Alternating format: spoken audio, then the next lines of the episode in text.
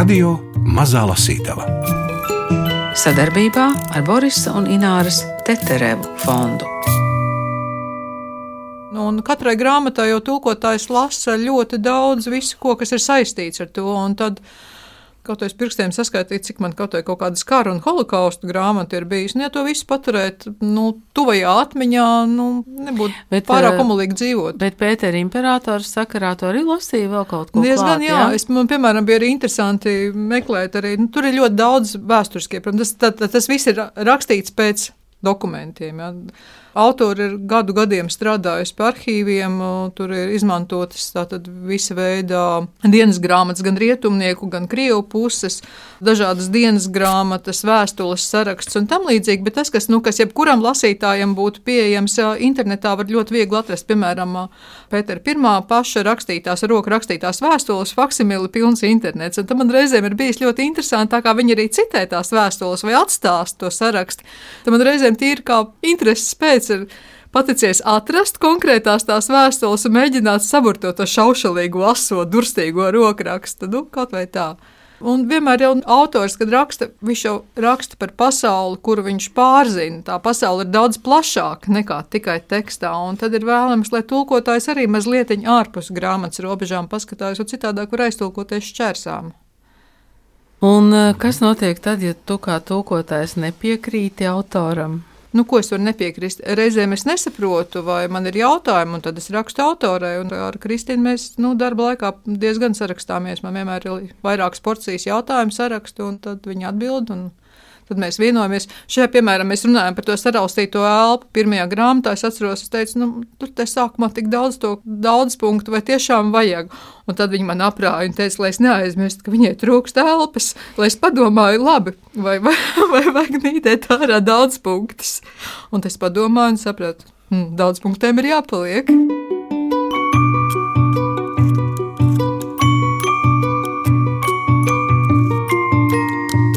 Radio Mazā Lasītava. Sarunas ar tūkotāju Daci Meijeri var aizvest visur, arī uz tiem atmiņu plauktiņiem, kuros nav veselīgi glabāt visu tūkoto grāmatu nospiedumus. Šoreiz tikšanās iemesls ir Kristīnas Sabaļauskaites diloģijas otrā daļa Pētere Imperatore. Tā sākas tur, kur beidzās pirmā daļa, un beidzas ar Katrīnas pēdējo elpas vilcienu. Vispirms, protams, jāsasveicinās Latvijas radio studijā Dace Meijere un Gundars Āboliņš. Labdien, Dārce! Sveiki, sveiki! Sveiki, sveiki! Īstenībā ir tā, ka vairāki mani paziņas ir jautājuši, nu, kur tad ir tās eh, Pētera imperatoras otrā daļa. Nu, un tad es mēģināju diplomātiski teikt, ka varbūt ka Kristīna Sibeļauskaita vēl nav uzrakstījusi. Bet eh, nu, tagad eh, mums priekšā ir arī latviešu tulkojums, tad viss ir kārtībā. Jā. Nu, jau kādu laiku ir iznācis arī latviešu. Bet, jā, jā, protams, es arī šoreiz kavēju termiņus. Bet eh, Sabaļaus skaita rakstīja nu, arī tā, nu, pirmā daļa, tad ir kaut kāda pauze, un tad ir otrā daļa. Vai, vai tu nezini, kā tas notiek? Nē, nē, nu, tur jau materiāli ir savākt uzreiz visai grāmatai, jo šis ir tas gadījums, ka, nu, atšķirībā no Silva Rēruma cikla, kur bija četri romāni par vienu dzimtu, bet tomēr četri četri atsevišķi lasām, atsevišķi romāni. Šis ir viens romāns divās grāmatās. Lai arī secīgi rakstīts, nu, tas pats teksta karkas, protams, pie pirmās grāmatas rakstīšanas arī otrās grāmatas karkas jau pastāvēja visnotaļ skaidrs. Atgādini mums, lūdzu, to karkasu vai to veidu, jo es šorīt vēl skatījos, ka faktiski ir ļoti maz pieturzīmes. Šeit? Jā. Šeit ir izteikumi. Un pieturzīme daudz. Mm. -hmm. Tā tad tā ir pēdējā diennakts. Katrīnas pirmās dzīvē, viņa mirst. Visa grāmata ir sadalīta 24 stundās. 12 stundas ir pirmajā grāmatā, 12 stundas ir otrajā grāmatā. Un tad viņa daļai nomodā, daļai miegā, daļai pusmiegā vai tādā narkotiku izraisītā, nu, precāpju līdzekļu izraisītā apdullumā, atceras visu savu mūžu, iet cauri visai savai dzīvei, nu, un tad grāmata beidzas ar viņas pēdējo elpas vilcienu tas pieturzīmju daudzums ir ļoti jūtams no tā, ja Katrīna ir nomodā un tver pēc elpas, gārds klepo, klepo asinis. Tad teikumi ir ļoti īsi un saraustīti. Viņai trūkst elpas, viņa gariem teikumiem nevar padomāt. Tas viss ir tāds aizelšanās, tur nemitīgi ir jūtama. Un tad, kad viņa ir dziļākā miegā iegrimusi un gremdējas atmiņās, tad teikumi kļūst garāki. Bet nē, šajā grāmatā nav to garo barokālo teikumu, kāda bija Silvera Eruma grāmatās. Tas ir pilnīgi cits stils, cita pasaule, citi personāži, cita grāmata negaidiet no šīs grāmatas silvera ēruma cakas. Bet uh, tu teici, tad, kad viņa gārdz un uh, cīnās pēc elpas, uh, tas nozīmē, ka faktiski tu dzirdi. Jā. Ja? Jā. Es ceru, ka priekšlasītājs arī dzird. Es pagaidām tikai gārdzu un klepoju. Ties, es tāpēc lasīšu varbūt. īsos teikumos, jo es esmu nomodā. Reiz mūs tā kārtis sitot pieķēra Aleksandrs. Īsu mirkli mēs visas, Modesta, Mērija, Aņisja Tolstāja un pat es, drusku izbijāmies. Aleksandrs vienu uz acu pacēlis apvaicājās, vai mēs zinot par cara baķuškas ukazu, ka tiem, kuri pieķerti trumpējam, jāmaksā sots, kas trīsreiz lielāks par summu, uz kuru ticis spēlēts. Bet visu gaišais, mēs taču te uz pogām un lentēm spēlējam, es atjokoju. Ne jau uz plūmītēm, ja vajadzēs, nogriezīsim vēl kādas pogas un bantes. Nu, tādā gadījumā valdniece visu gaišā carieni lieciet izdalīt arī man. Atsmēja Aleksandrs, noraudams no žistokora pogu. Pogu ir daudz, visas ar diamantiņiem. Viņš smējās, biksēs arī ir. Skaļi smējās mērija. Lūk, tāda viņa bija. Aleksandrs piemiedza ar aci modestai, Nosūdzēsiet mani ceram, meitas, ja bikses nospēlēšu, pats savām rokām jums sprandu apgriezīšu. Nenosūdzēja. Visbiežāk mēs cits citu nenosūdzējām un nenodevām, ja nodevām tad tikai īpašos gadījumos. Bet citādi spēkā bija nerakstīta un mēma, taču vispārēja vienošanās galmā, bet varbūt arī visā plašajā Krievijā, proti, ja ceram baķuškam neko nevajag, jo viņam tāpat visi kā ir gana, tas vēl nenozīmē, ka arī mums neko nevajag. Ja viņam gadu gadiem gribas valkāt vienus un tos pašus holandiešu brūnos godas svārkus vai kareivju mundieri, tas nenozīmē, ka arī mums pārējiem jānēsā novalkātas lupatas. Un, ja viņš nespēlē kārtas, tas nenozīmē, ka mēs mazliet nevienam nezinot un galvenais ceram neredzot, nedrīkstam uzspēlēt. Ja Pīters dzīvo no algas līdz algai, kuru pats sev izmaksā atbilstoši savai pakāpei, līdz kurai it kā ir uzkalpojies, tas nenozīmē, ka arī pārējiem jāiztiek ar ubaga grašiem. Piemēram, es jutos savas grūtās dienas jau gana grūti izcietusi, un tagad, kļuvusi par carieni, beidzot pelnījusi padzīvot kā vēlos - pilī, mīkstos pēļos un ar savu naudu. Dzīve man bija parādā, un tai šis parāds man bija jāatdod. Domāju, ka arī Aleksandrs jutās līdzīgi. Bet Pīters, ja jau viņš tā gribēja, varēja rotaļāties pēc sirds patikas un iztēloties, kā no kapteiņa Mihailova kļūst par pulkvedi Mihailovu un vēlāk par ģenerāli vai viceadmirāli. Visas šīs pakāpes viņam piešķīra žūpu sinodas kņazs pāvests, taču Pīters uz tām raudzījās bezgala nopietni un apsveica mani kļuvuši par viņa ģenerālieni, viņa ģenerāļša un lūdza iedzert uz viņa veselību. Lai būtu, viņš varēja spēlēties cik tīk, tam, kurš trūkumu nav pieredzējis savas izklaides. Taču tas nenozīmēja, ka viņam aiz muguras paslēpšus nevaram paņemt sev to, ko mums ir parādā dzīve Krievijā. Kādu drusku prieka, greznības un šādu tādu atlīdzību par mūsu nebeidzamajām bailēm un ciešanām. Galvenais bija, lai viņš mūs nekad nepieķertu. Bet, ja pieķers, tad visiem jāapvienojas un jāturas kopā. Mums visiem, kas vairāk vai mazāk krāpām Pīteru, jo citādi dzīve būtu bijusi neiespējama.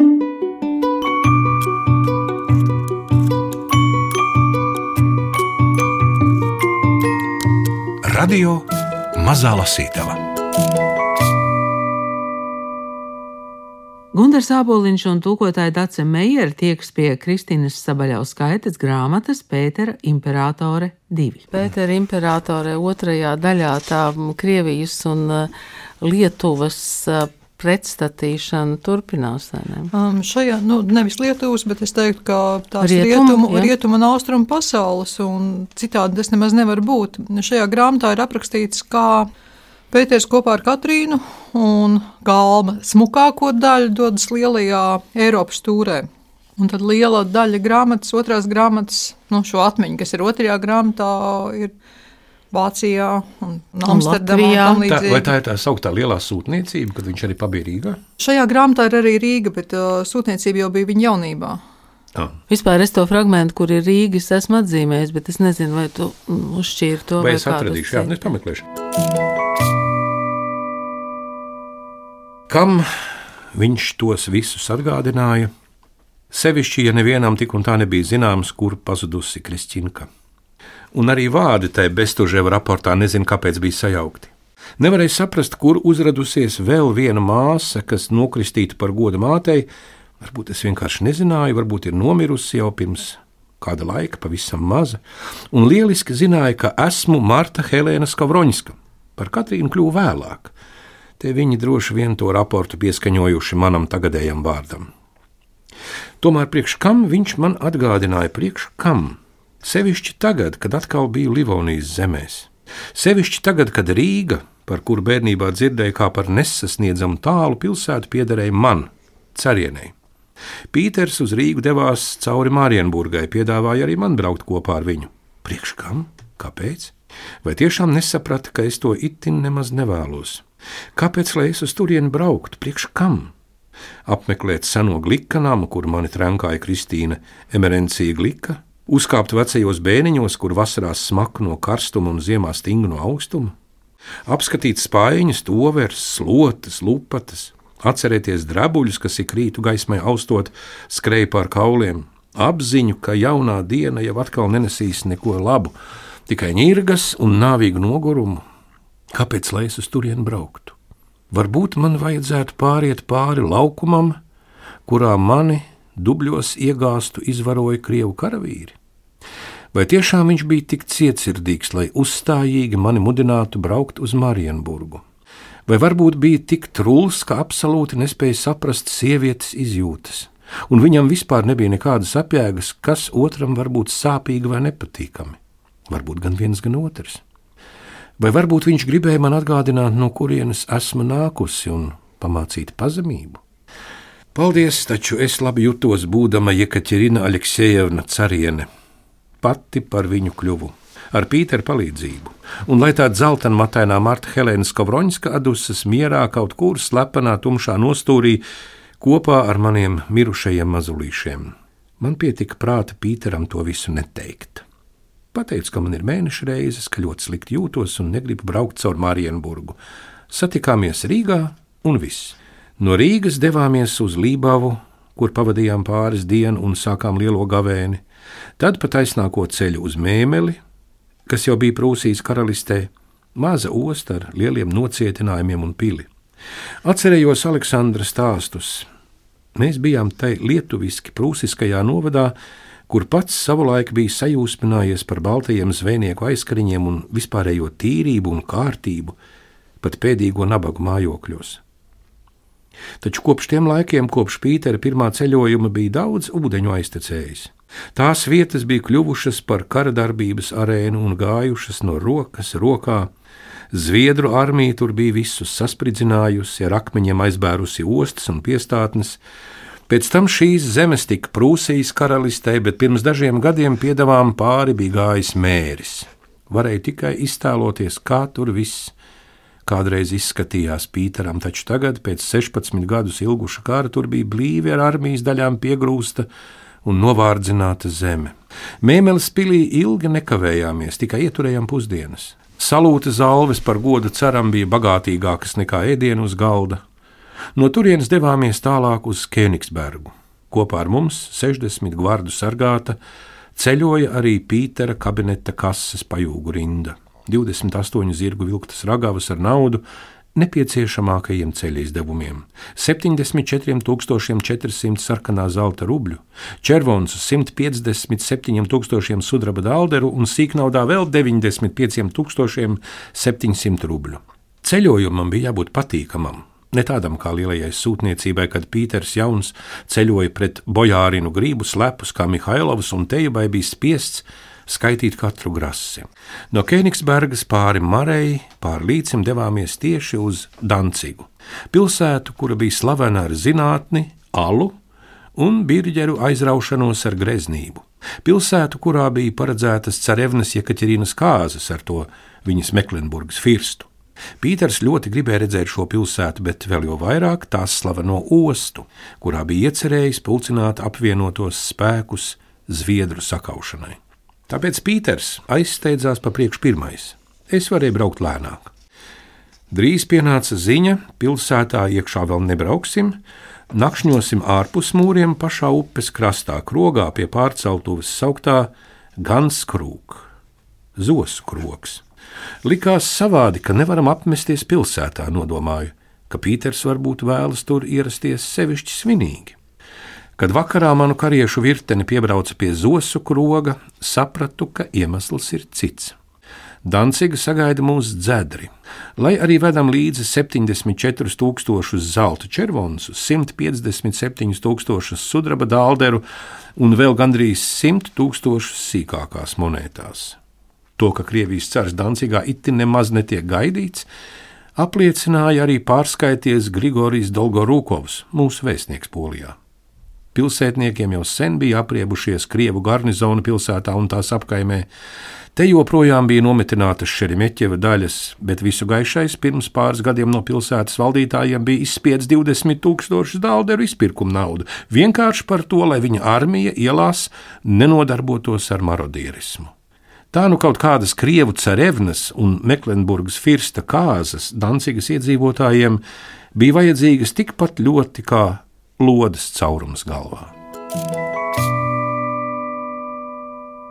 Lasot šo grāmatu tagad pēc 24. februāra, tā sajūta ir um, citādāka nekā pirms tam.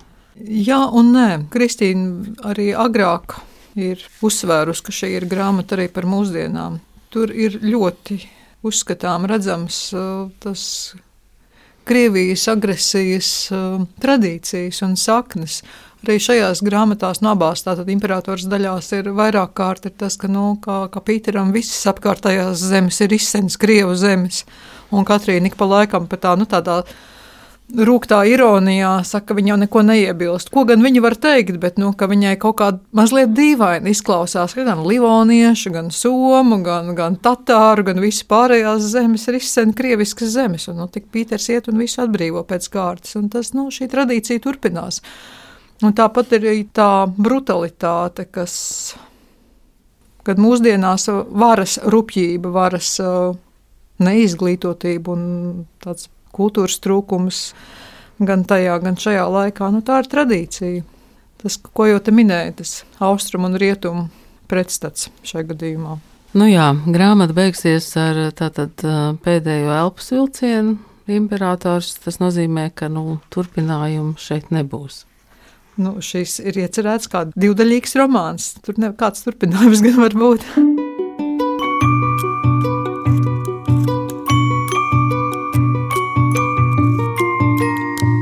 Radio Mazā Lasītava. Kristīnas Sabaļauskaitas diloģiju Pētera imperatoru no lietuviešu valodas tulkojas Dace Meijere, izdevusi Zvaigzne ABC.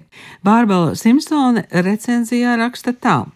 Abas Pētera imperatoras daļas pašlaik nenovēršami būs daudz smagāk lasām viela nekā tas bija sarakstīšanas brīdī. Notikumi pasaules politiskajā arēnā ar daudzām epizodēm romānos sasaucas neomulīgi tuvu, un gribot negribot nāks vilkt paralēlis. Protams, 18. gadsimts nav 21. Taču secinājums, lai lasītājs izdara pats. Jebkurā gadījumā Pētera imperatora ir lasām viela, kas atgādina 18. gadsimta aristokrāta pili, žilbinoši krāšņa un nērta, košām detaļām bagāta un smakojoša, fascinējoša un biedējoša. Tāda, kurā dodamies aizspiestu degunu, taču stāvam rindās, lai tajā nokļūtu, jo kaut ko mazliet par dvēseles šķilēšanu zinām arī mēs visi. Tā Bārbala Simpsone, bet mūsu saruna ar Daci Meijeri turpinās jau par citām grāmatām, kuras ir tulkotājas dienas kārtībā un lasīšanas sarakstā.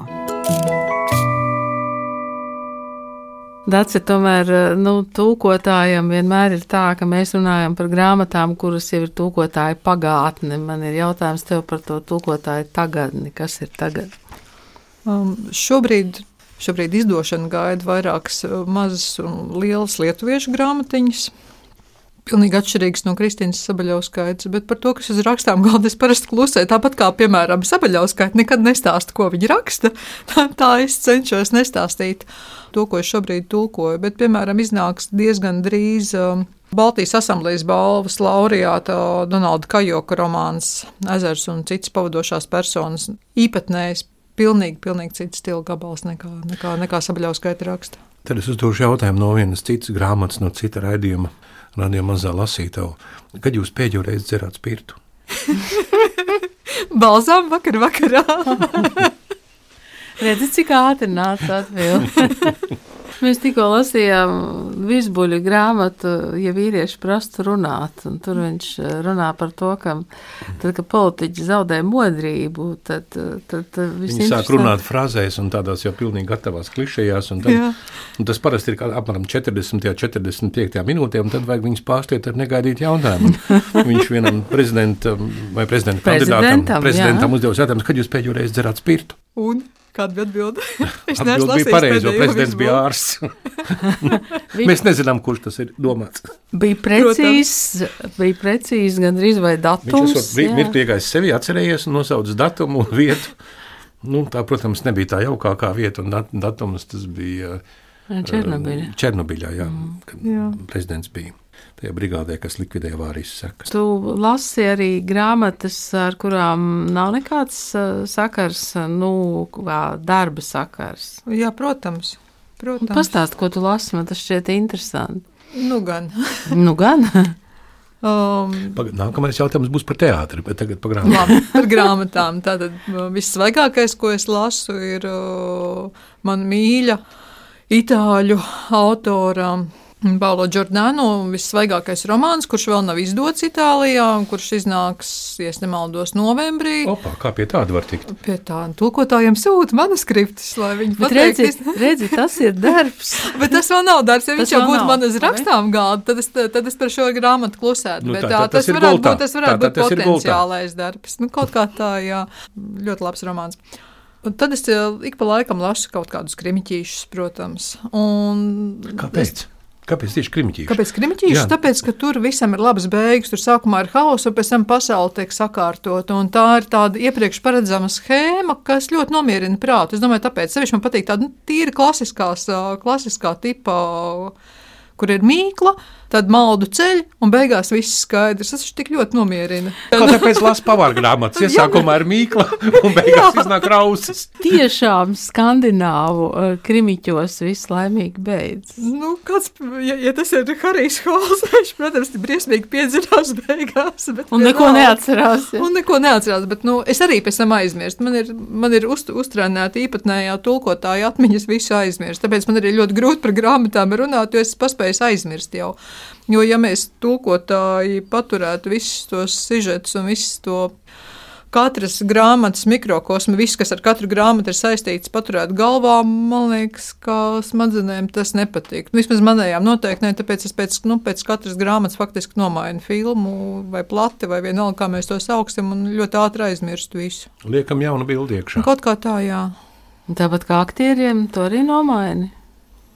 Jā, Ja paliek laiku, kaut kur. Nē, nu, ir jānomaina sādāk, jo tiešām tur smadzenēm tas un tur ir ļoti spēcīgas ir emocijas, nepatīk, tik, tik, tik, tik nē, daudz nē, visādi šausmu arī un pārdzīvojumu, un, un katrai grāmatai jau tulkotājs lasa ļoti daudz visu, ko, kas ir saistīts ar to, un tad, nu, kaut kādā pirkstiem saskaitīt, cik man kaut, kaut kādas kara un holokaustu grāmata ir bijusi. Un, ja to visu paturēt nu, tuvajā atmiņā, nu, nebūtu Bet, pārāk omulīgi dzīvot.